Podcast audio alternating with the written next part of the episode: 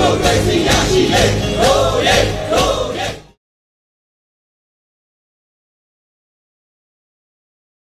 ပြည်သူလူထုအားလုံးပဲမင်္ဂလာပါပရိပက္ခများထဲမှာပြည်သူတွေအားလုံးဘေးကင်းလုံခြုံဖို့ကြိုတင်ပြင်ဆင်မှုအတွက်အကြံပြုတင်ပြဖို့အချိန်ကြာရလို့လာပြန်ပါပြီကျွန်မပြောပြမယ့်အချက်တွေကိုလည်းလိုက်ပါလှုပ်ဆောင်နိုင်မယ်လို့ယုံကြည်ပါတယ် ဒီအစီအစဉ်မှာတော့လက်နက်ငယ်တွေပြစ်ခတ်နေတဲ့အနေအထားထဲမှာဘလို့ဘေးကင်းအောင်နေထိုင်သင့်တယ်ဆိုတဲ့အကြောင်းအရာကိုဆွေးနွေးတင်ပြပေးသွားမှာဖြစ်ပါတယ်ဒီကိုယ့်ပတ်ဝန်းကျင်မှာတနက်တန်တွေကြားပြီဆိုတာနဲ့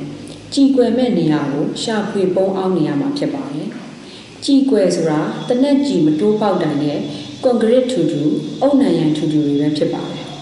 မိမိအိမ်ကကွန်ကရစ်အိမ်ဖြစ်မယ်ဆိုလို့ရှိရင်အိမ်ရဲ့အတွင်းပိုင်းအကျဆုံးနဲ့အလုံးကျုံဆုံးအခန်းတစ်ခုကိုသတ်မှတ်ထားပြီးအရေးပေါ်အနေအထားမှာပုံခုဖို့ဖြစ်ပါတယ်။ဘီလက်မီအိတ်တင်ကာယံအသုံးပြုထားတဲ့ပါတယ်။ကြီးမကနိုင်တဲ့ရှောင်ရှားရမယ့်နေရာတွေကတော့မှန်ကထားတဲ့အခန်းတွေ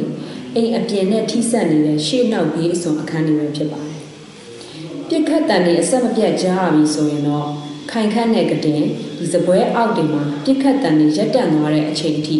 အကအကွယ်ယူပြီးငြိမ်သက်စွာပုံအောင်နေရမှာဖြစ်ပါတယ်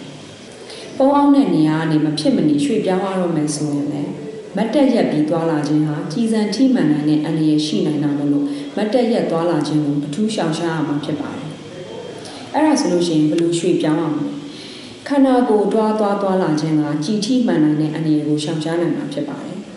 ဒါပေမဲ့အဲ့လိုရွှေ့ပြောင်းသွားလာတဲ့အချိန်မှာခန္ဓာကိုယ်နဲ့ခေါင်းပုံပြုတ်ကျနိုင်တဲ့အရာတွေရှိလို့တတိပြုပြီးတော့ရွှေ့ပြောင်းသင့်ပါတယ်။ပြစ်ခတ်တန်ကြားတဲ့အချိန်မှာအိမ်အပြင်ကိုထွက်ကြည့်တာမျိုးတွေပတ်ဝန်းကျင်ကိုစူးစမ်းတာမျိုးတွေလုံးဝမလုပ်သင့်ပါဘူး။ပြစ်ခတ်တန်တွေကြားကြားချင်းလုံခြုံတဲ့နေရာမှာပုံအောင်နေထိုင်ရမှာဖြစ်ပါတယ်။တကယ်လို့မိမိနေအိမ်ကလုံခြုံမှုမရှိဘူးဆိုရင်တော့အနည်းဆုံးမှရှိတဲ့ခိုင်ခန့်တဲ့အဆောက်အဦကိုတတိဝရိယရှိရှိနဲ့အမြန်ဆုံးရွှေ့ပြောင်းကြအောင်ဖြစ်ပါတယ်။ မိမိနေအိမ်ကအများသူငါသွားလာတဲ့လမ်းမကျောမှာရှိနေတဲ့အိမ်ဆိုလို့ရှိရင်တော့အန်ရယ်နဲ့ပို့ပြီးတော့နီးနိုင်တာမလို့လုံခြုံရေးကိုပို့ပြီးအထူးပြုဆိုင်ရမှာဖြစ်ပါတယ်။အခုကျွန်မဆွေးနွေးသွားတဲ့အချက်လက်တွေကတော့အမျိုးသားညီညွတ်ရေးအစိုးရ